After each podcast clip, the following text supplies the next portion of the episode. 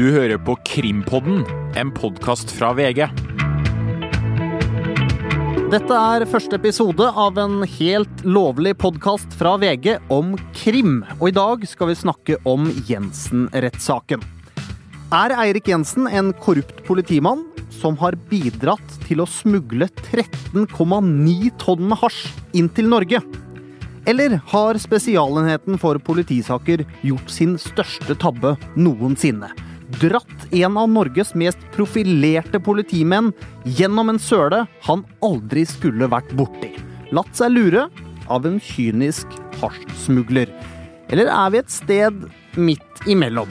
Rettssaken, til, eh, mot Eirik Jensen er nå halvveis, og i denne podkasten får du kanskje ikke svar på alle de spørsmålene jeg nå nevnte, men vi skal gi deg en oppsummering og en vurdering av mye av det som har kommet frem så langt. Jeg heter Mats Andersen, og jeg sitter her sammen med krimekspert i VG Øystein Milli og rettskommentator Astrid Mæland. Astrid, du har sittet på første rad i sal 250 i over 40 dager nå. Lat som du i tillegg til å være kommentator også er lekdommer. Hva hadde magefølelsen din sagt da? Jeg er glad jeg ikke er lekdommer, for å si det slik. Hvorfor ikke? Um, husk på det at det er bare gått to måneder, og det er en måned igjen av vitneførselen til aktoratet. Men uh, så langt så syns jeg det er vanskelig å se at, uh, at Jensen skal kunne bli dømt for alt det han står tiltalt for. Han er jo tiltalt for en rekke ting. Altså, Nesten 14 tonn med hasj skal han ha bidratt til å få inn til Norge. Et titalls innførsler er det vel snakk om, ja. pluss korrupsjon, da. Um, ja. Det, det gjenstår altså en måned ennå, så vi får se. Men, eh, men um, Tvilen skal komme tiltalte til gode. Og så er det jo slik ikke sant, at eh, aktoratet vil jo tro at de opererer litt som journalister, i hvert fall. At de starta med det best først. Og nå har det jo gått to måneder. Det kommer ikke noe litt rart hvis det kommer noen sånne store overraskelser nå. De sparer jo ikke det til slutt. de gjør nok kanskje ikke det. Eh, Øystein Millie, du har vært krimjournalist i 20 år. Eh, dekka de fleste store sakene i Norge. Ordre-saken, Noka-saken, 22.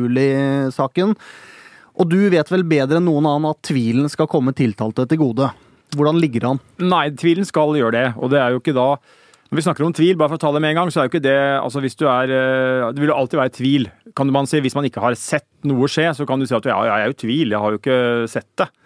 Eh, men det er jo ikke der vi er. Det er den eh, rimelige og fornuftige tvilen. sånn at man man dømmer jo personer i Norge selv om man er i noen grad av tvil, men terskelen ligger høyt. Um, Hvor mye tvil er det i denne saken her, da? Nei, Det er mye tvil, og det som jeg tenker er, uh, hvis jeg var meddommer for å fortsette den øvelsen, da ville vært mest uh, uh, Først og fremst ville ha i hvert fall hatt problemer med, er jo, er jo å tenke ok, har jeg, har jeg, nå fått bevist at Eirik Jensen had, har medvirka til å innføre 13,9 tonn med hasj? Fordi at så langt i bevisføringa, og hasj Jeg tror vi er ferdig med hasjbiten. Den har vi for så vidt tatt gjennom eh, statsadvokaten, og nå er det jo Spesialenheten som holder på med sine bevis. Så jeg tror ikke det kommer så mye mer der. Men det som jeg sitter igjen med, er at jeg, jeg føler at jeg ikke har fått overbevisende bevis om at eh, den transporten var Jensen med på, den transporten var Jensen med på, den transporten var Jensen med på. Det er svingninger. Det skal sies at det er noen, eh, i forbindelse med noen såkalte transporter, så er det jeg vil kalle det påfallende tekstmeldingvirksomhet og kommunikasjon.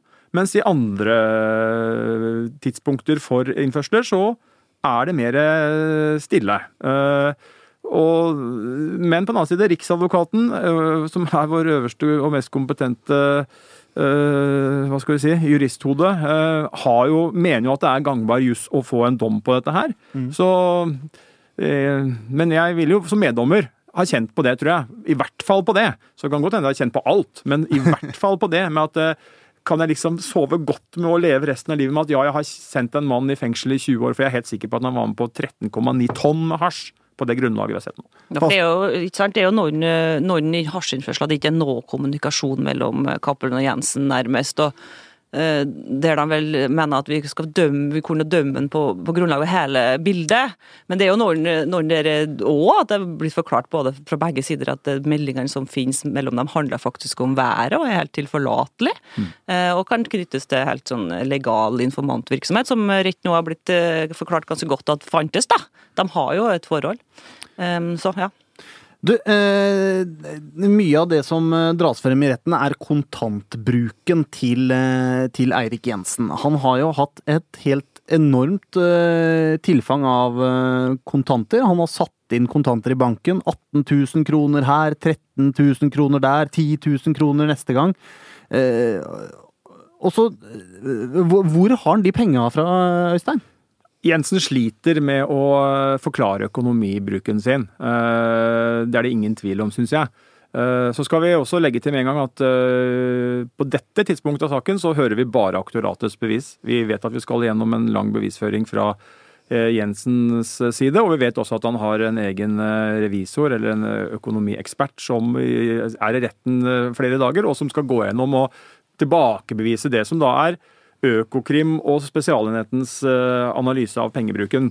Men, eh, men vi har jo hørt nå da Jensens forklaring om hvordan han har fått disse kontantene. Det er jo i hovedsak da motorsykler, biler, arv. Det har vært snakk om litt kjøp og salg ellers, og også noen hunder han har eh, trukket inn i sin forklaring. Og eh, jeg eh, mener jo at eh, man ikke kan legge til grunn at eh, de det vi vet av eh, om, om overskudd på bilsalg, om motorsykler, om eventuelt hundesalg, som vi har hørt veldig, veldig lite om, eh, og arven fra eh, foreldrene, som var tema i forrige uke, så går det foreløpig ikke regnestykket i hop. Det er fortsatt sånn at jeg lurer på om det er penger Jensen har hatt som vi ikke har fått noen redegjørelse for. Og så får vi se om det skjer når hans bevisførsel kommer. For det, det må vi altså understreke, at vi sitter nå og snakker midt i en rettssak. og Sånn er alltid dynamikken i en rettssak, at det svinger. Og når man hører på et eh, aktoratvitne, så kan man kanskje tenke at å ja, her er det masse argumenter for en dom. Og så kommer det vitne fra den andre sida, og så snur det litt. Så det er bare viktig å ha med seg. Men Astrid, alle de kontantene som Jensen har satt inn, de, de stoppa etter at han ble fengsla? Ja, altså så- Så, så, så gjorde han det på samme måte når han var i Sverige som han var i Norge. Hva var forskjellen? Han, I Norge så kjører han rundt til forskjellige banker, eller han kanskje gikk, og med, med, med kort tids mellomrom av og til. Satte inn 5000 her, eller 4500 der, og så satte han inn to minutter etterpå, eller ti minutter etterpå 5000 en annen plass. Hvorfor det? Det, der syns jeg at Jensen virkelig har en dårlig forklaring. Altså, Han bare sier at han ikke kan forklare det. Det er irrasjonelt, sier han sjøl. Og det er knytta til noe sånn security-opplegg, påstår han. Men det er fullstendig tatt ut av lufta, spør du meg. Og det kan ikke se for meg at han kan komme til å forklare på noen bedre måte akkurat det. Men til hans fordel så er det jo ikke snakk om enorme summer. Det er jo tvert om mye, mye mindre penger enn det Gjermund Cappelen påstår at han har betalt den. Men hva skjer med det sikkerhetsopplegget hans når han krysser svenskegrensa? Jo, det var poenget. at eh, Det aktoratet tror er at eh, Jens har misforstått litt her. Han tror at det blir spora hvis han eh, setter inn over 5000 i Norge. Eh, Så tror ikke han at det er slik i Sverige. Det er det aktoratet mener, i hvert fall. Fordi at han har helt forskjellig eh, innskuddsaktivitet over landegrensa. Men hva sier Jensen om det, da? Eh, Nei, hva svarer Jens om det, Øystein? Kjenner du på det? Uh, nei, han har vel ikke noen forklaring på det, tror jeg. Annet enn at han har, en, han vært en kontant uh, Han har vært en sånn kontantøkonomiens uh, ambassadør. Som har vært veldig klar på at han vil ha penger, bl.a. pga. at han skal kunne har hatt en belastende og eh, hva skal vi si, høyrisikabel politijobb som har gjort at han har vært eh, og Det forklarer han både da at han har hatt noen våpen med, og at han har hatt penger i både her og der.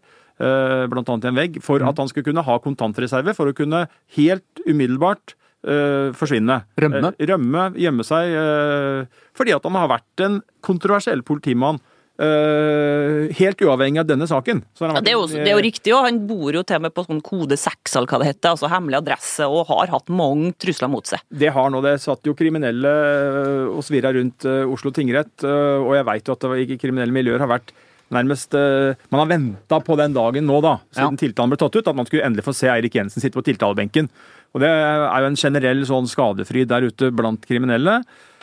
Det er også noe av bakteppet av denne saken, selvfølgelig. Eh, Er det sånn at eh, Eirik Jensen er uh, ofra? At uh, Cappelen da, som er en, et scenario, er jo at Cappelen har uh, ofra Jensen, og at Jensen er offer for et komplott, og at uh, Cappelen har lagt Jensen på bordet for å få en strafferabatt. Så det er, det er jo veldig mange elementer i kulissene her. Eh, Men for å gå tilbake igjen til økonomien, så er det jo verdt å merke seg, eh, sånn sett med forsvarerbriller, at eh, eh, Gjermund Cappelen har jo forklart For det første så har han forklart at han har tatt inn mye mer hasj enn eh, han har blitt tiltalt for. Og hvis Gjermund Cappelens forklaring eh, om det skulle vært riktig, så skulle Jensen ha fått ja, Hvor mange millioner er det? 15-20? Ja, 15-20 millioner. Gitt at denne kiloprisen på 500 kroner per kilo, som uh, Cappelen hevder, så skulle også Jensen ha fått 15-20 millioner. Uh, Etter tiltalen så er det vel 8,5, da. Nettopp. Og så er jo tiltalen da uh, skalert ned til å gjelde da 13,9 tonn. Og det blir jo 8,5 Nærheten, vet du. Vi har funnet 2,5, er det det? Er Men hvor er resten, da? Er det gravd ned? Ifølge aktoratet. Altså... Det er ikke sikkert de har fått dem, da. De sitter igjen med, de sitter igjen med et, hva skal vi si, et, ca. to millioner er vel summen de sitter igjen med som de mener at Jensen har hatt et såkalt overforbruk. Altså to millioner kroner som han ikke kan forklare hvor han har fått fra. Eh, men det er veldig lang vei fra 8,5 eller 7, 8 eller 15-20, da, hvis vi skulle tro Cappelen fullt ut. Eh, det er uhorvelig mye penger. Uhorvelig mye kontanter. Eh, og der er det et sprik. Og det mener jeg jo at er et godt forsvarerpoeng. Det er det, men på den annen side, Øystein, den måten han Jensen forklarer det her pengene på, den, er, den, høres akkurat ut som mange andre kriminelle forklarer svarte penger på. Det er snakk om, sånn som du sa, altså salg av biler, og, og det har vel virkelig slitt med å vise at den har tjent noe på det. Det virka som et tapsprosjekt. Og, det er begrensa hva man tjener på bruktbiler, da? Ja, så er det alle de andre Miniatyrbiler til meg, ålesalg, dykking, altså det her um, ja, nei, det, er, det blir ikke store penger av det, tror ikke jeg? Han har et, jeg er helt enig, han har et forklaringsproblem når det gjelder en del av kontantene, eller kontantene, men, men det, poenget er at han samtidig altså han, Jeg ser ikke at han kan ha fått det, den størrelsen kontanter som Cappelen forklarer. Altså Ergo så kan ikke Cappelen sin forklaring være et sånn som jeg ser det, så kan ikke den legges til grunn. For da skulle det vært mye mer penger i omløp, eller så må han ha, altså, ha gravd ned eller ha noen penger på et sted som på en måte ikke ikke er mulig å finne. Det kan hende, selvfølgelig, rent teoretisk, men, men, men, men hele Jensens livsførsel over år tyder jo da, sånn som påtalemyndigheten på det, at han har hatt mer penger enn han har tjent fra politiet i henda. Mm. Men den bevisførselen som aktoratet legger til grunn, forteller jo ikke om en mann som har hatt liksom en vanvittig vanvittig haug med penger som man kan kaste rundt seg i øst og vest og sør og nord, og bruke penger som en hva heter det, full sjømann. Ja.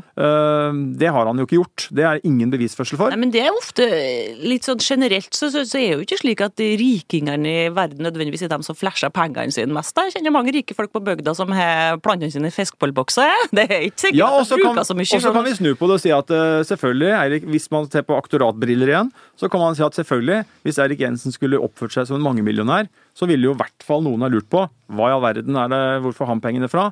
Uh, det gjorde jo Gjermund Cappelen da, i 20 år. Ja, og så vet vi åssen det gikk. ja, til slutt så ble det politiet, politiet har jo lett iherdig etter cash. Eh, de har jo ikke funnet så mye. De fant tre, drøyt 30 000 kroner i en vegg i låven til Eirik Jensen. Etterforskerne lurte på hvor de pengene kom fra. Først sa Eirik Jensen, ifølge aktoratet, at han aldri hadde gitt eller mottatt penger eh, fra Gjermund Cappelen. Og så senere nå så forklarer, eh, så forklarer, han at han har lånt 30 000 kroner til eh, Gjermund Cappelen, fått de tilbake igjen. Hvorfor skulle en politimann låne 30 000 kroner til en hasjsmugler?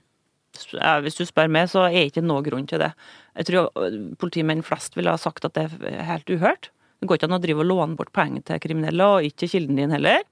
Og for det andre så, så virker forklaringa på at det er et lån lite troverdig òg. Hva er forklaringen, da?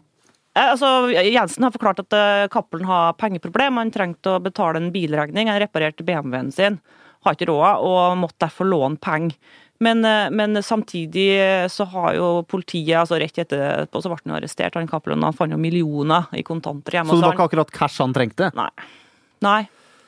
Nei, og det er tre ting jeg i hvert fall kommer på her og nå som jeg tenker er sånn eh, Som ikke er bra for Eirik Jensen eller kontakten med Cappelen. Det ene er at man eh, som politimann, uansett forhold, kilde for informant hva det måtte være, man låner ikke bort eh, private penger til en kriminell eller til en kildeinformant. Det kan man ikke gjøre, og det er, må være ute fra alle bøker som eh, ligger på Politihøgskolen.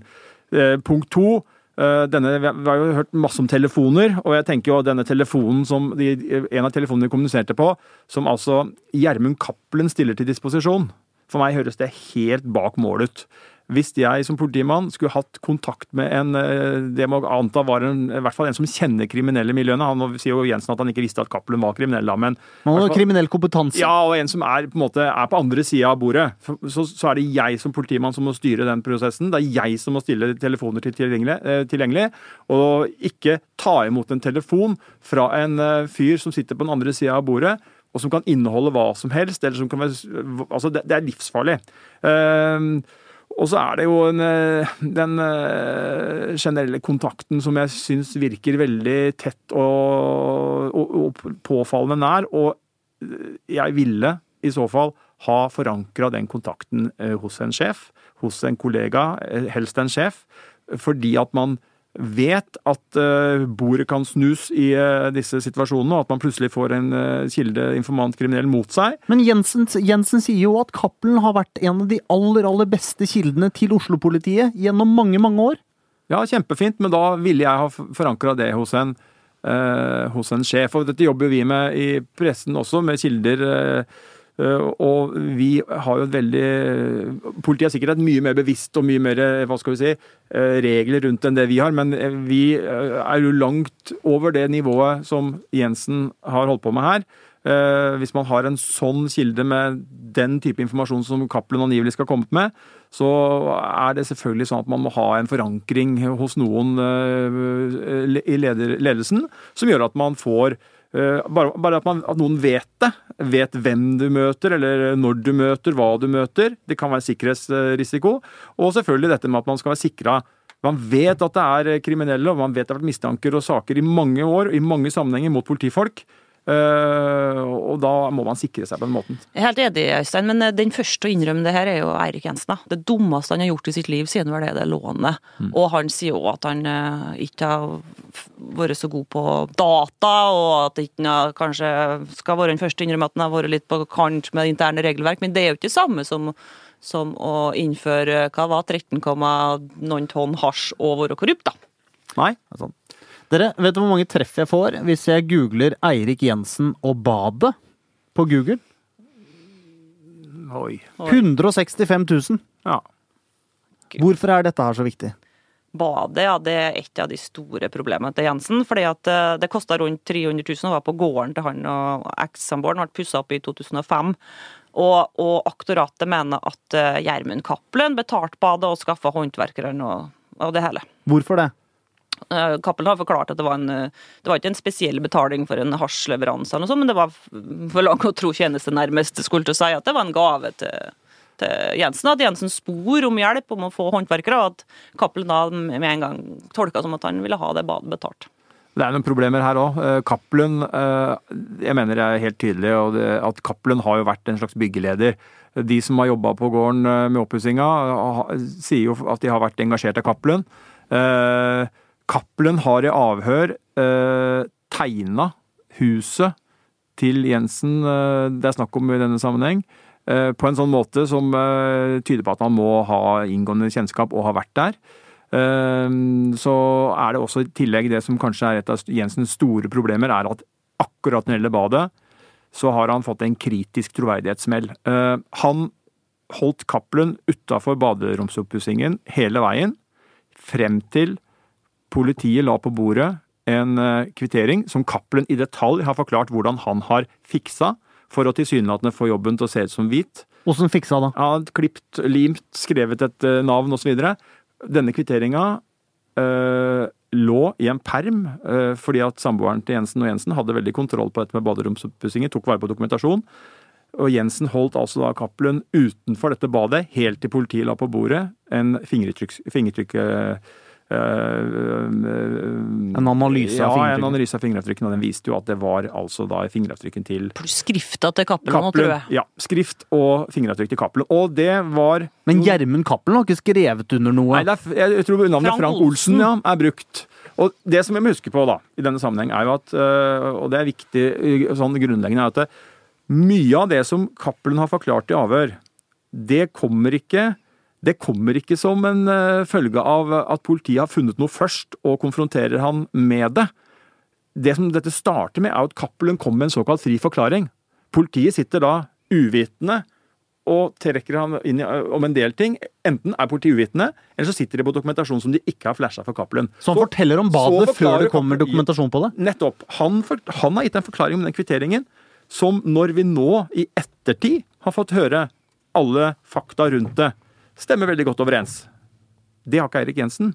Han måtte i retten innrømme at han hadde huska feil, eller sagt feil, da, eh, når det gjaldt dette badet, og at Cappelen hadde vært involvert. Og det er klart, på et så sentralt punkt, på et så sentralt bevis, hvor Cappelen sier at han ga nærmest dette badet til Jensen som en uh, gave for, takk, for, for, lang og tro tjeneste som korrupt politimann, så er det kritisk, helt uavhengig om det blir dom eller ikke dom, skyldig, ikke skyldig, så er det utrolig kritisk å få en uh, bevissituasjon mot seg uh, på akkurat det punktet. Det Jensen sjøl sier, er jo at at badet, deler av badet aldri ble betalt fordi håndverkeren ble, de ble sur på hver håndverkeren og han, og at og at håndverkeren til slutt faktisk døde. Han er død. Han, enka hans vitna faktisk i retten i, Så håndverkeren ble så sur at han ikke krevde inn de 100 000 Jensens forklarer at han eh, prøver å ringe han og få ta kontakt osv., men eh, det lykkes ikke. Og det er òg litt rart. Jeg kjenner ikke noen håndverkere som, som oppfører seg sånn over lang tid, i hvert fall ikke. Jeg har generelt liten erfaring med sure håndverkere, heldigvis, men det høres så rart ut at noen skal bli så sure at de ikke vil ha pengene sine. Ja, det, det, er jeg enig i. Du, Gjermund Cappelen har vært kriminell siden han var en nevestor, altså tidlig i tenårene. Ja. Uh, og Starta med en sånn boblejakketyveri på Røa osv. Ja, Røyking 13-14 år. Og har egentlig aldri hatt noe ordentlig jobb? Det Nei, går vel an å si? Tre-fire uker i noen avisbud fra Aftenposten og noe greier. Så han har kriminell kompetanse, åpenbart? Ja, han, det Men har, ha, har Eirik Jensen visst at han har vært i kontakt med en kriminell? En storkriminell? Jensen sier jo nei. Eh, påtalemyndigheten sier ja. Og det er jo eh, ført bevis eh, så langt som påtalemyndigheten mener beviser at, at Eirik Jensen må ha skjønt og må ha visst at Cappelen var kriminell. Han har jo visst at han har hatt noen dommer, har vel en ubetydelig dom fra tidligere, men men i den skalaen eh, her, eh, så mener jo påtalemyndigheten at Jensen må ha skjønt at Cappelen har holdt på med med ganske stor hasjbusiness, eh, men Jensen sier jo nei. Jeg vet ikke hva du mener, Øystein, men her må vi nesten komme, synes jeg nesten vi kom til et punkt der vi må si at det er bevist utover enhver rimelig tvil. For de har funnet dokument mm. på, på PC-en til Jensen der han omtaler Cappelen i 2000, er det vel, i forbindelse med kriminalitet. Uh, og da blir det litt vanskelig å si at uh, fortsette å sitte og si retten at det var uh, i fortida at han, var, at han visste at han var kriminell på midten av 90-tallet. Um, han blir tatt i løgn, da? Altså Jeg syns at det er vanskelig å komme seg unna det her, for det er så mye dokumentasjon etter hvert på møte og vitner som forteller at Jensen visste at han var kriminell, og det virker litt sannsynlig. Men det betyr jo ikke at, at, at han er skyldig etter tiltalen. Nei. Det betyr bare at han han har eh, det, Og det er ikke så uvanlig heller i politiet, vet vi fra andre informantbehandlere, at, eh, at, at informantbehandlere kan være litt ekstra grei med sin kilde. Du vil ha ut informasjon, ikke sant? Du vil ta han i fengsel. Det skjønner jo alle. Ja, og det, og det, er sikkert ikke i tråd med da, den interne regelboka i politiet, men man, det er som du sier, man kan godt se for seg en situasjon kanskje hvor hvor eh, Jensen, hvis han innerst inne liksom, Ja, han har jo skjønt det, kanskje, men, men Cappelen har likevel da potensielt eh, levert så mye informasjon. Og, vært, og vi har hørt om en konkurranse i politiet om å ha kilder. Det har flere politifolk sagt, at det er en status og en altså vet at, Vi vet jo at Jensen har kommet med informasjon om tyveri av noen kongelige kunstskatter, som vel Cappelen var opphavet til, som gjorde at Jensen fikk Eh, en utmerkelse og ble Og det er klart, de, altså politiet, selv om jeg er statsansatt, så lever også de tydeligvis da på og av resultater og på en måte være en del i et hierarki, da. Og klart, hvis man har den beste infoen om de beste eh, sakene, så, så, er det jo sånn. Men det er klart, eh, det er jeg enig i. Det er helt klart at Cappelen, nei, unnskyld, Jensen må ha skjønt at Cappelen har vært vi, vet jo at eh, kollegaene i Asker og Bærum, bare noen mil unna, i årevis har hatt eh, Gjermund Cappelen hengende høyest på lista over hvem de vil ta. Eh, de har i hvert fall visst at han har vært kriminell. Og hvis ikke da en så erfaren og dyktig politimann som Jensen jo har vært i en del sammenhenger, det er det ingen tvil om, har skjønt at mannen han snakker med, og hørt og fått med seg informasjon om at, fra andre hold om at jo, men Cappelen er kjempesvær på hasj, det høres rart ut. Det var jo til og med vitne, det var ikke en uke her da, for jo, jeg tror det er politimenn eh, som har hatt, eh, sittet i møte med Jensen på 2000-tallet og diskutert eh, kriminaliteten til Cappelen. Eh, flere vitner på det. Så Jensen har glemt det, da, eller? han har faktisk vært ganske åpen i retten på at det å drive med informantbusiness er en kynisk business, og han har vel sagt det at av og til så har han vært i nærheten av å innrømme at jo, kanskje han altså har sett litt bort og sånn. og det så han avviser ikke helt. Han avviste vel heller ikke denne uka her at eh, han kunne ha visst det på 2000-tallet. Så fikk han spørsmål om han glemte det, og da ble det litt mer uklart. Jensen har hjulpet Gjermund Cappelen eh, en del. Han har reist til Spania på avrusning med han. Eh, Han har sørga for at han fikk tilbake førerkortet sitt etter at han ble fratatt det. Fikk midlertidig tillatelse til å kjøre bil eh, gjennom hele den perioden han var fratatt førerkortet. Og så ble Gjermund Cappelen arrestert på Maldivene for narkotika. Den han henvender seg til da, er politimannen Eirik Jensen. Hva, hva, hva er storyen her? Nei, altså Cappelen øh, søker jo den hjelpa Han oppframstår som en mann som øh, hele tida søker hjelp der han mener det er hjelp å få. Uh, og det er nok hans motivasjon for å ringe til eller kontakte da Jensen. Eh, så, men så kan man igjen tenke at eh, selv om Jensen har og skal og så videre ha hjulpet Cappelen i den situasjonen, så behøver ikke det for så vidt bety noe. Uh, altså, om, om tiltalen, det har ikke noe med tiltalen å gjøre. Det er mer en sånn eh, tegn på da, og så må man vurdere da, hva slags kontakt er det når det skjer. Men, eh, men, men eh, det skal sies at Eirik Jensen har hatt et eh, langvarig, tett forhold til Hjelmen Cappelen. Jeg tror alle kan være enige om, også Jensen, at det forholdet har vært krevende fordi at det har inneholdt både hvis vi skjærer bort og sier at tiltalen ikke fins, og at eller Jensen er uskyldig, da, så kan vi si at fortsatt så ligger det på bordet et, en, et forhold mellom to personer, en politimann og en kriminell, som er problematisk. Fordi at man har eh, lånt penger, man har bodd hjemme, man har eh, da eh, hjulpet Cappelen, hatt kontakt på Cappelen. Samtidig må det sies at Jensen, og det sier flere, har en, er en politimann med et hjerte utapå politiskjorta. Det syns jeg, altså. At, Og som eh, vil hjelpe folk. har et engasjement for å få folk ut. Og så, så, så her er bildet uh, veldig sånn Ja, for eh, Aktoratet har prøvd å, å lagt fram det her for å bevise liksom, eh, hans uh, dårlige forhold til regelverket. Men Ja. på, det, det kommer fram en ganske sånn sosialt engasjert side av politimannen som jeg syns han syns virka troverdig. Blant annet andre vitner fortalte om det òg. At, at han tok seg av Det var nesten en sånn sosialarbeider. og De drev på sånn litt Ja. grann i Europatruljen i Oslo på den tida. Andre kollegaer gjorde det samme.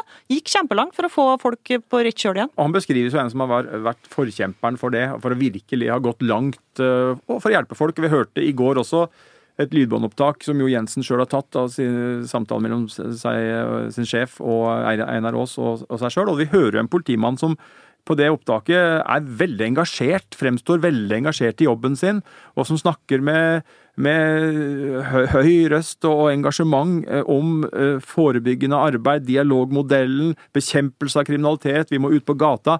Altså, så hvis noen eh, som ikke følger denne saken fra rettssalen lurer på det, så er det, så er, det, er, det er ikke et bilde av en kynisk politimann som har sittet med armene i kors og latt eh, kriminalitet skje i øst og vest, og som har vært mest opptatt av å, at det skal kunne forekomme. Det er ikke bildet. For det skurrer jo på den andre siden. Altså, han er engasjert, han er, eh, han er en eh, veldig eh, dedikert politimann. Og så skal han liksom på siden ha bidratt til å importere nesten 14 tonn med hasj. Det Altså, Nei, ja, det- er man en kynisk hasjsmugler, så holder man seg vel litt i ro og ikke så profilert.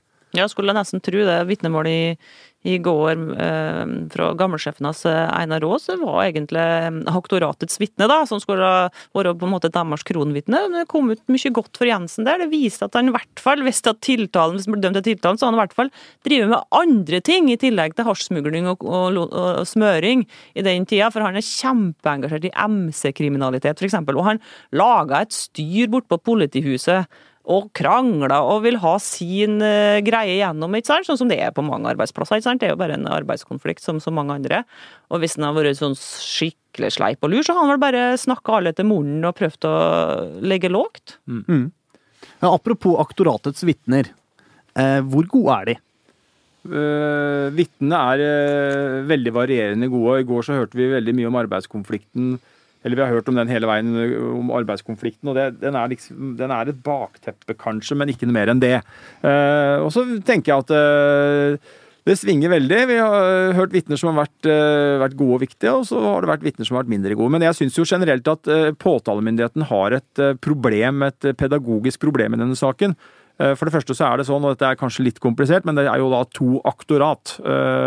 Og for den som lurer på det, så aktoratet er jo da anklageren, altså statsadvokaten vanligvis. Er, De som ønsker Jensen dømt? Ja, men her er det to.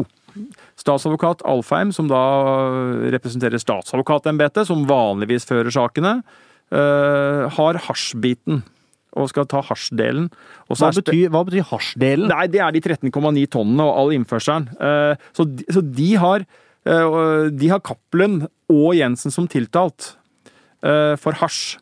Så er det Spesialenheten for politisaker, og det er kanskje mange som ikke vet helt hva det er. Men det er altså et ganske ferskt organ som er oppretta for å etterforske da politifolk eh, som gjør potensielt lovbrudd, eh, begår lovbrudd.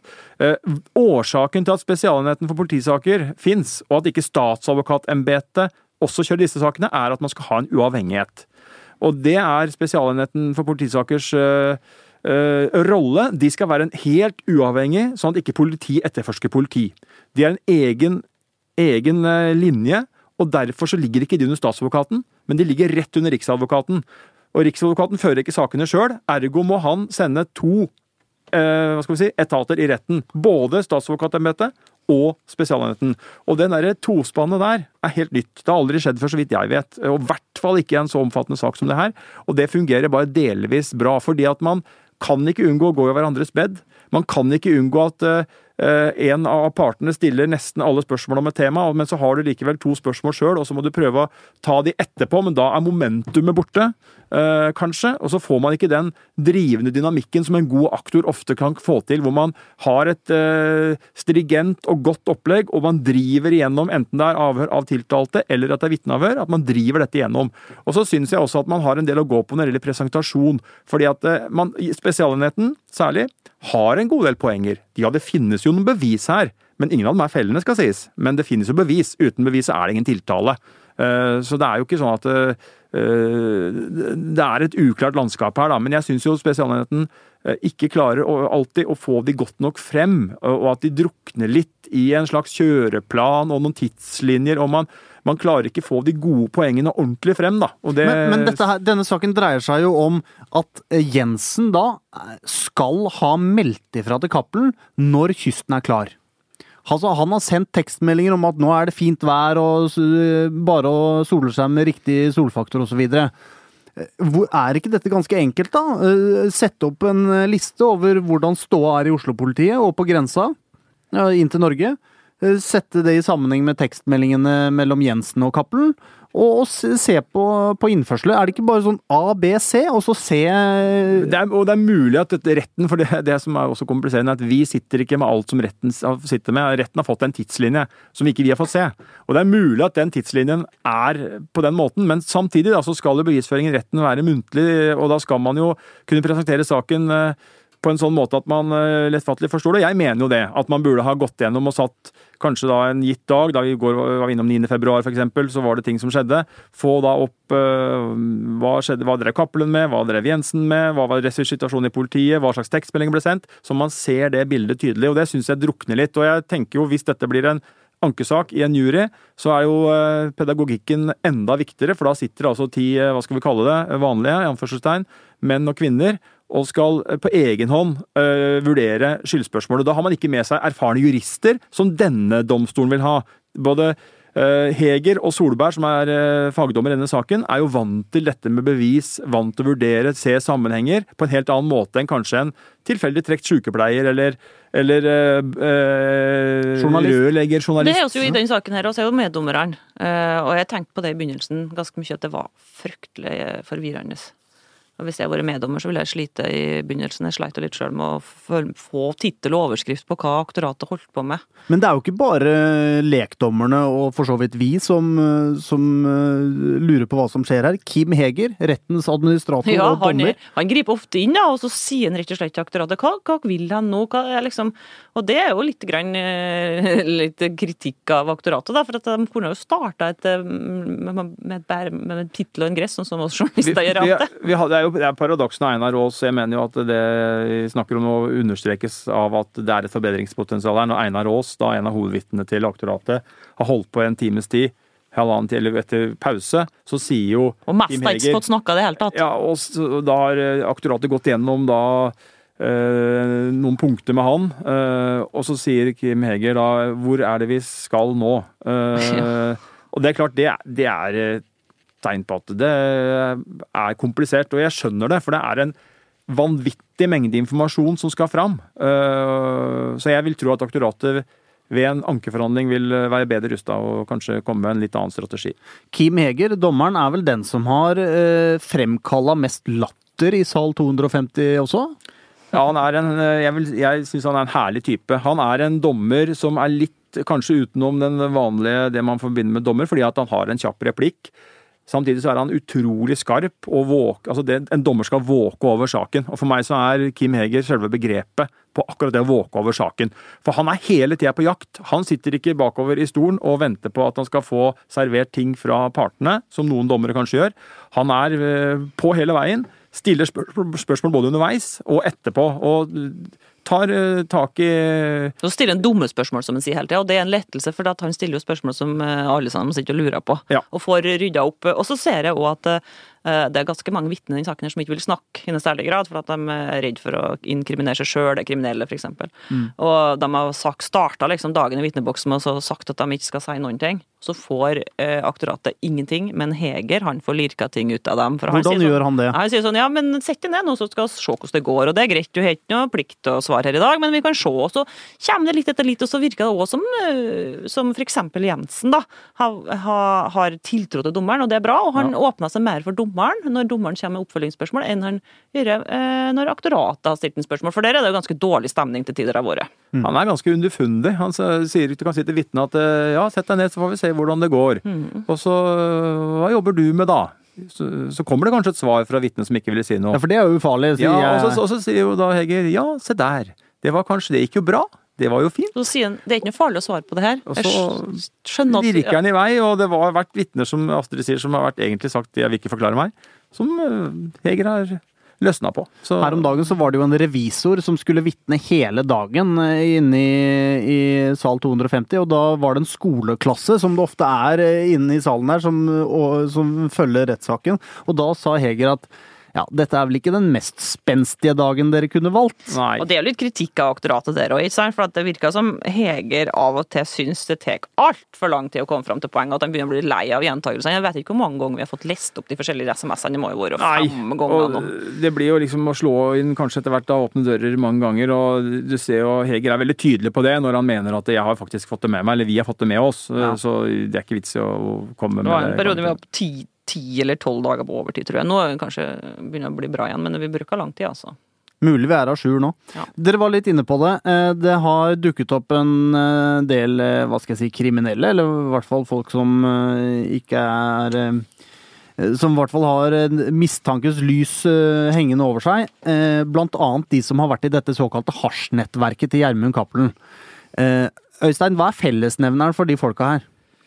Eh, fellesnevneren er vel at Dårlig hukommelse. Veldig dårlig hukommelse og lite vilje til å snakke. Og så er vel også fellesnevneren at de er eh, ja, De framstår som tilsynelatende egentlig vanlige folk, men eh, du fort fortsatt det er et kriminelt sinnelag der. Altså de, eh, de sitter jo da tiltalt eh, nå i en ankesak i lagmannsretten. Eh, Dømt, flere av dem er dømt til lange straffer og får sikkert det da nå igjen hvis de blir kjent, skyldig.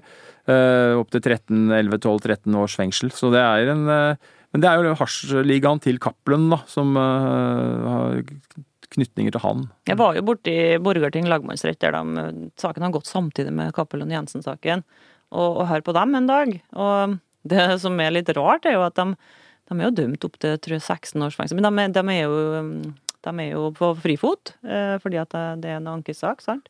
Så de karene gikk jo liksom i pausen og sa at de kanskje skulle ta en øl i lunsjen, og så gikk de rundt på gata, og så han ene av dem, han, eh, de er jo dømt til mafiaparagrafen, mafiaparagrafen fire av dem, da, altså for å ha, på en måte drive et kriminelt og organisert samarbeid. Han ene av dem, han, han ble til og med tatt i Trondheim i jula i år, eh, med 300 000 negere og 1,5 million på, på hotellrommet. Og det var vel en mistanke om at han prøvde å uh, kanskje rømme, det, men han er fortsatt på frifot. Men, men, men så, eh, Jensen også sitter tiltalt for en av de mest alvorlige sakene i norsk politihistorie. Han går til og fra tinghuset uh, som en fri mann. Det skurrer for mange, Øystein. Det strider mot rettsoppfatningen til mange, og det kan man jo forstå. Samtidig så er eh, Det er jo litt forskjell på de to. Eh, Jensen kan jo eh, Man skal ha respekt for at domstolen skal dømme osv. Man har ingen argumenter for å holde Jensen i varetekt. Man, han satt i varetekt så lenge bevisfaren var til stede, eller kan forspille bevis. Det er jo det som er et av hovedargumentene for å sette folk i varetekt. Så man, men så har man en paragraf som man kunne ha brukt, som sier at hvis du støter en allmenn rettsoppfatning, så kan du settes i varetekt. Uh, og én ting er at man får gå på frifot når man ikke har fått saken sin prøvd for noen domstol. Det har jo ikke Jensen fått ennå. Men disse kara vi snakker om her, de har jo blitt dømt da, som vi, snakker, sier, i, i, tingretten. Og en domstol har faktisk vurdert at jo, dere er skyldige, dere skal ha lange fengselsstraffer opp mot da 14-15-16 år. Og da er jo spørsmålet om man da skal eh, si at da støter den allmenne rettsoppfatning at tunge kriminelle dømt for mafiavirksomhet, store hasj smuglingsopplegg skal de gå fri. Eh, så det er, det er Gjermund Cappelen sitter jo i varetekt, han har vel sittet der i tre år nå. Ja. Og han er glad for det sjøl, for han skjønner jo det at han blir dømt, og han eh, får jo fratrekk fra soninga si. Ja, han, han, sitter faktisk på dom nå, eh, faktisk, og soner ja. en dom. Han, men, og han har jo erkjent, så han vet, han vet, jo at han skal ha en lang straff. Det er bare straffutmålinga som mangler, ikke sant? Han, kan, han, sa vel i retten at det, det, var på tale om å, å, å, um, komme ut, men han var glad for at det ikke skjedde, for at, da ville jeg bare ruske opp alt som har med familie familie å gjøre, og inn gjennom to år igjen. Han vil bli ferdig med det. Han vil starte. Dette hasjnettverket inneholder bl.a. Eh, lageransvarlig, hasjlageransvarlig, som, eh, som sto for dette lageret på Røa. Og Da må vi eh, prøve å skildre litt hva som skjedde. fordi For en stund tilbake så åpnet døra seg i sal 250, og det kom en skjeggete mann med hette og boblejakke vandrende særdeles sakte inn i salen. Hva er det som skjedde, Øystein? Det er det, er det mest uh, spesielle jeg har sett i en rettssal, tror jeg. Uh, egentlig noen gang. Uh, det var da et vitne, den såkalte rørleggeren, i, som var rørlegger hos Eirik Jensen på hans oppussingsprosjekt på dette badet som vi var innom, som da skulle vitne. han har en helsesituasjon som er helt spesiell. Han eh, det var diskusjon om han skulle møte eller ikke, men eh, Heger, eh, dommeren, ville gjerne ha han inn, og han kom. Men han framsto som han framsto som veldig, veldig sjuk. Han framsto Han sto bare og skalv. Sa ingenting. Jeg tror det er det eneste vitnet jeg har sett i hele mitt liv som ikke har sagt noen ting. Ikke engang navn ikke nekter å forklare meg. Ingen verdens ting. Han trippa litt frem og tilbake bak vitneboksen? Ja, gikk sånn uh, urolig, sånn uh, Som man kanskje ser uh, i psykiatrisammenheng, at folk kan bli i det moduset. hans historie er at han jo ble da tatt på et tidspunkt, 2013, og at han Skriver, det er skrevet en egen rapport fra politifolk på hva som skjedde. Han uh, satt i politibilen, uh, tror jeg, etter pågripelsen, og man hadde kontakt med ham. Og så uh, forsvant han, ifølge politirapporten, bare mer og mer inn i sin egen verden. og siden den gang, som da nå snart er fire eller tre og et halvt år siden, så er det ingen politifolk eller aktører i retten som har hatt kontakt uh, jeg tror til og med advokaten har sagt at han sliter med å få kontakt med ham. Men det de har funnet ut, er at han ville anke saken sin. Han er jo dømt eh, for å være ligamedlem til Cappelen. Og han, samtidig så har det uh, blitt gjort overvåking av denne mannen her. Hvor eh, politiet har spanet på ham, tatt video av ham.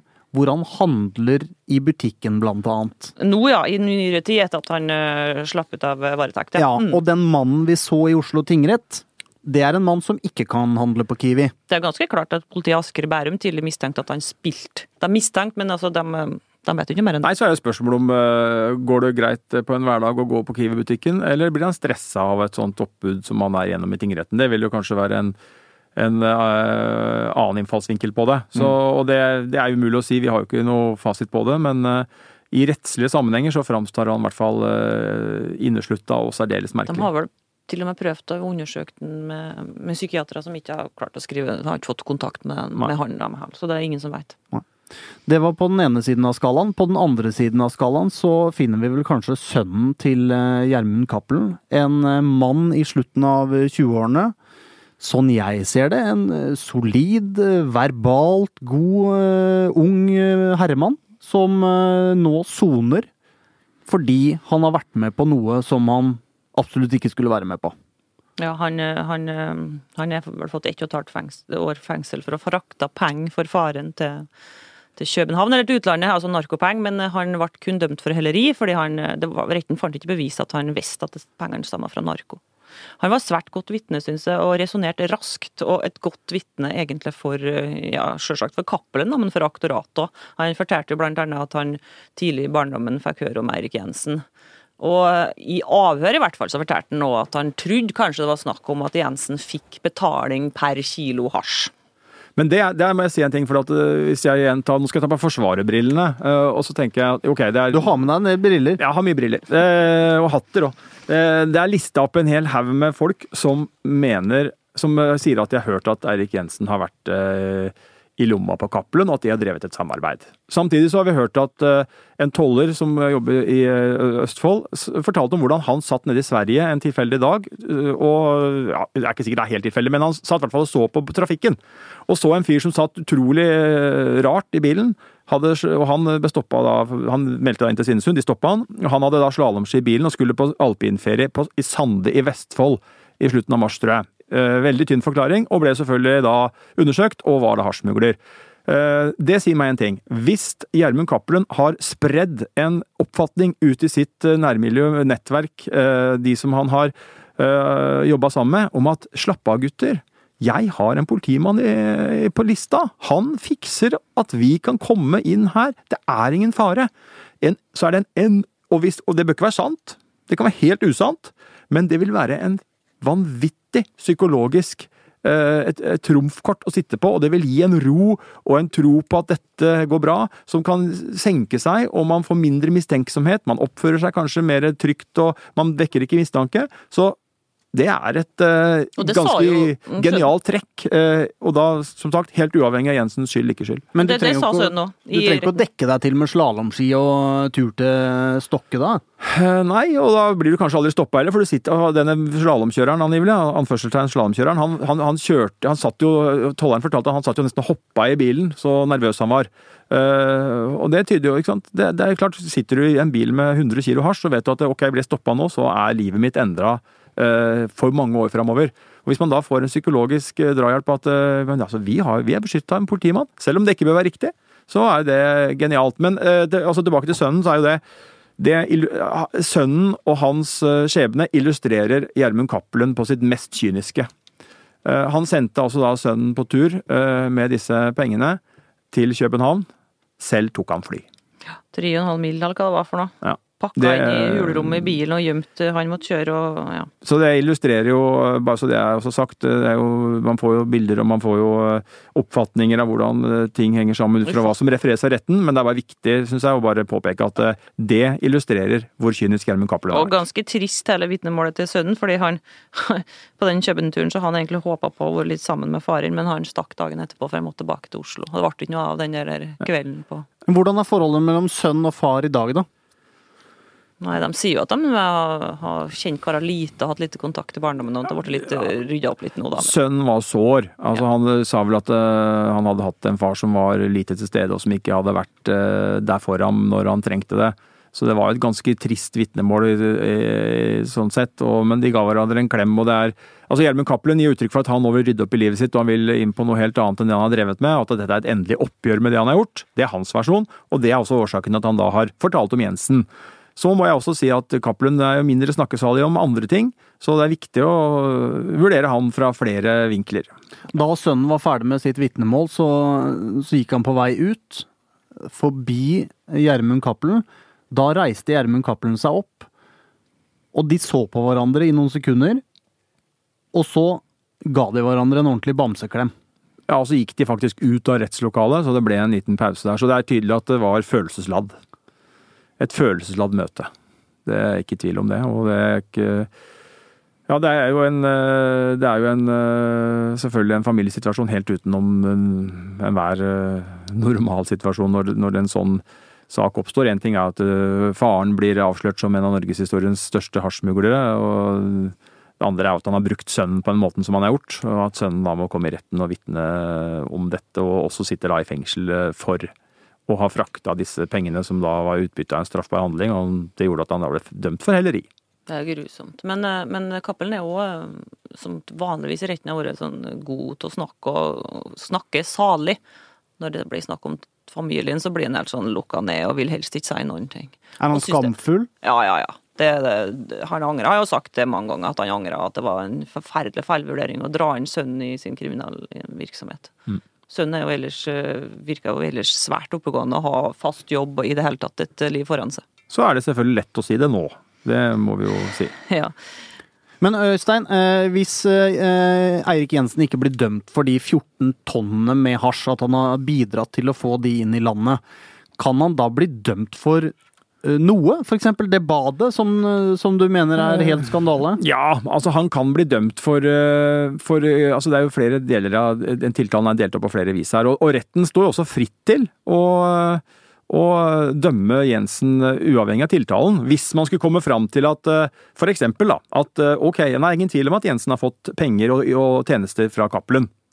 Eh, For eksempel at han har betalt badet. Men vi finner ikke bevist at han har gitt ham informasjon eller hjulpet ham med hasjsmuglinga, så den biten tar vi vekk. Og da er heller ikke grov korrupsjon inne i bildet, fordi da har han ikke eh, gitt ham informasjon mot betaling. Men da kan man, da kan man teoretisk sett si at eh, Men Jensen måtte skjønne at de pengene som Cappelen ga ham, altså baderomsoppussing eller kontanter, var utbytte av en straffbar handling. Ergo så må han dømmes for grovt helleri. Det er jo ikke noen del av tiltalen, men, men det, det skjer jo at retten gjør egne avgrensninger. Og så kan man også få en situasjon hvor han da dømmes for grov korrupsjon, og kanskje én hasjinnførsel eller to hasjinnførsler. At man skjærer ned på antall tonn og blir ned til noen hundre kilo, eller Altså her er det her er det retten som øh, skal utvise sitt øh, skjønn, og på en måte helt, stå helt fritt da i forhold til øh, tiltalen på hva de vil dømme for. Det må jo i tilfelle bli eh, Jeg tenker høyt her, men hva skulle forklaringa være på at Jensen skulle ha tatt imot et bad fra Cappelen hvis ikke det var snakk om smøring? Det må jo kanskje være takk for lang og tro tjeneste. det var- gjorde- ja, ja, det, det, det, jo, det, er, det er jo helt hypotetisk det jeg sier nå, Ja, men det, det, måtte, det måtte jo være at for eksempel at uh, han sto i takknemlighetsgjeld til, til Jensen, Ja, da, som har hjulpet ham gjennom mange år og vært som en, vært som en sosial eh, bro, bror for Mm. ham og hjulpet ham eh, Ja. i vanskelige tider. Og si at vet du hva, jeg ser at du nå ikke har så mye er penger som politimann, men jeg har, nå har jeg gjort det veldig bra på aksjer her, og jeg har penger og la meg eh, spandere dette badet, da. Altså, dette er helt teoretisk, da. Ja, Astrid, en te teori. Kan Eirik Jensen ha lurt Gjermund Cappelen? At Cappelen da har på en måte kjøpt noe Kjøpt luft? Ja, altså Cappelen har jo vært inne på det i retten, at, eh, for at Cappelen har ikke måte på hvordan han starta med å forklare hva bra politimann han har på laget sitt. En politimann som visste alt om hva som foregikk nesten på alle grenseoverganger i hele Norge. Og det har jo Forsvaret brukt, ikke sant. Og, og det har blitt stilt spørsmål om fra aktoratet, for han visste jo selvfølgelig ikke alt. Han har ikke kontroll på tollvesenet, han Erik Jensen. Og da har Cappelen vært inne på det at det, ja, Det spørs om han kanskje skrøt seg opp litt og, og sa litt eh, mer eh, Lot som han kunne ha mer kontroll enn han har. Eh, Som en asset inn til, til Cappelen. Det har i hvert fall vært Cappelens eh, forklaring Men på det problemet. jeg syns jo ikke den forklaringen til Cappelen står helt til troende. For hvis en, eh, altså en mann som Cappelen ikke har forstått at Eirik Jensen ikke har noen mulighet til å sørge for at en lensmannspatrulje fra, fra, fra, unnskyld, fra Trysil lensmannskontor, for mange av transportene har gått over Trysil Altså, eh, Cappelen må jo ha skjønt at Jensen i Oslo kan ikke ringe til eh, lensmannskontoret i Trysil og si at du vet hva, hold dere unna grensen i kveld, for nå kommer det noen greier som ikke noen skal ta. Det, det, det er jo ikke mulig. Hvis de hadde dratt ut og fått en hunch på at oi, det er en hasjtransport på vei i en trailer, så hadde de tatt den. Jensen kunne ikke gjort en skitt for all tid. Men Cappelen har jo på en annen side forklart det på en måte sånn at det var ikke bare de innførslene, men en sånn generell security, nærmest, da, der Jensen skulle passe på at det ikke ble snakka på Cappelen i politiet, at det ikke var varsla hvis det var spaning på han, ikke? Ja at det var etterforskning, sånn generell eh, sikkerhetsopplegg. Og Det er jo et tema akkurat den med spaninga, og det er klart at eh, noe kan han ha hjulpet ham med, men eh, at han kan ha eh, lagt en sånn beskyttende hånd over at det kan ha vært eh, helt bankers at man ikke blir tatt på denne hasjsmuglinga. Det har jo ikke vært eh, mulig, men, men uh, Cappelen han, han blåser innmari opp i starten da, vet du, når han skulle begynne å forklare det her, for eh, da skjønte han at politiet ville ha Jensen, og da overdrev han muligens uh, Jensens uh, impact, på en måte. ja, og det blir jo en troverdighetsvurdering igjen, det da. Ja. Vi kan ikke lage en krimpod uten å snakke om eh, de SMS-ene i den saken her, fordi eh, enten så er det to gutter oppe i 50-årene som er veldig opptatt av været, Ja. eller så er det noe som er veldig mistenkelig her, Astrid. Du, er det snakk om 1500 SMS-er som de har klart å, å redde ut fra gamle telefoner? De har jo en sånn 50-tallstelefoner hos Cappelen. Og der er det utrolig mye snakk om været, ja. Som du sier, Jensen sendte jo til og med en, en rapport om været etter at sola var gått ned på påskeferie om at det var sol. Mange av de SMS-ene eh, mener aktoratet handler om eh, kode for hasjinnførsel, og at det er rolig tid, at det er bare å kjøre på, mens eh, Jensen mener at det er snakk om informantvirksomhet. Hva tenker du om det, Øystein? Nei, altså jeg har gjort en liten sånn øvelse, eh, tankeeksperiment. Hvis jeg tar de SMS-ene og, alle de, og tenker sånn eh, litt sånn ut fra en Askepott-tankegang, faktisk, eh, og tenker at eh, Om skoen passer? Ja, hvilken forklaring passer SMS-ene best til? Og jeg mener jo på nåværende tidspunkt at de passer best til forklaringa til eh, Cappelen.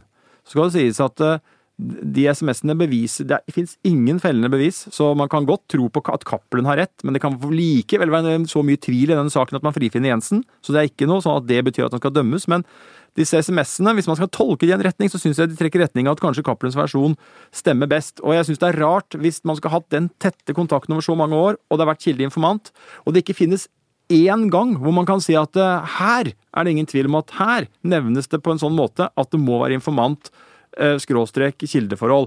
Det er mer sånn at man lurer på at man sliter med å på en måte få det til å stemme at det ikke handler om noen beskjeder i forbindelse med narkotikaopplegg. og det er jo også et annet poeng som når det handler om telefonen og det som man har brukt, og en politimann trakk fram, som jeg syns er godt, og det er at den første Gjermund Cappelen ringer til når han oppdager at det er stjålet 100 kilo hasj fra lageret hans, det er Eirik Jensen.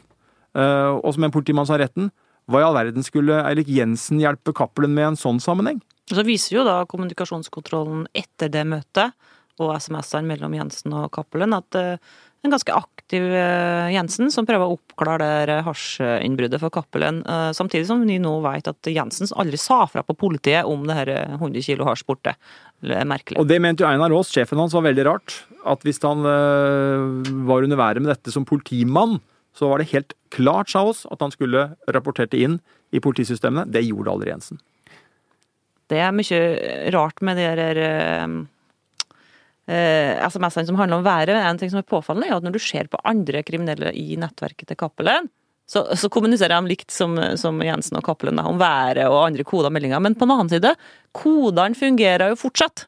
De fungerer fortsatt sånn at det er umulig å liksom være helt sikker på at det handler om hasjinnførsler, for det er jo koder. Helt riktig, og det er jo meldinger som jeg tror Spesialenheten, før vi gikk i retten, trodde handla om kodespråk, og som både Cappelen og Jensen har forklart om at faktisk reelt handla om motordel eller Eller været, kanskje? Været, kanskje. Så det er sammensatt. Men uh, som sagt, jeg heller til at uh, forklaringa til Cappelen passer best med SMS-ene, men her er det masse men det, altså, Enig, men det, det, beviser jo fortsatt ikke at den har Ingenting. latt seg smøre. Det viser Ingenting. et langt forhold som er litt eh, på kanten av regelverket, men ingen, ingen følgebevis for korrupsjon. Nei, og på kanten av regelverket har Jensen innrømt at han har vært, Ja. at det har vært en kontroversiell, kontroversiell politimann.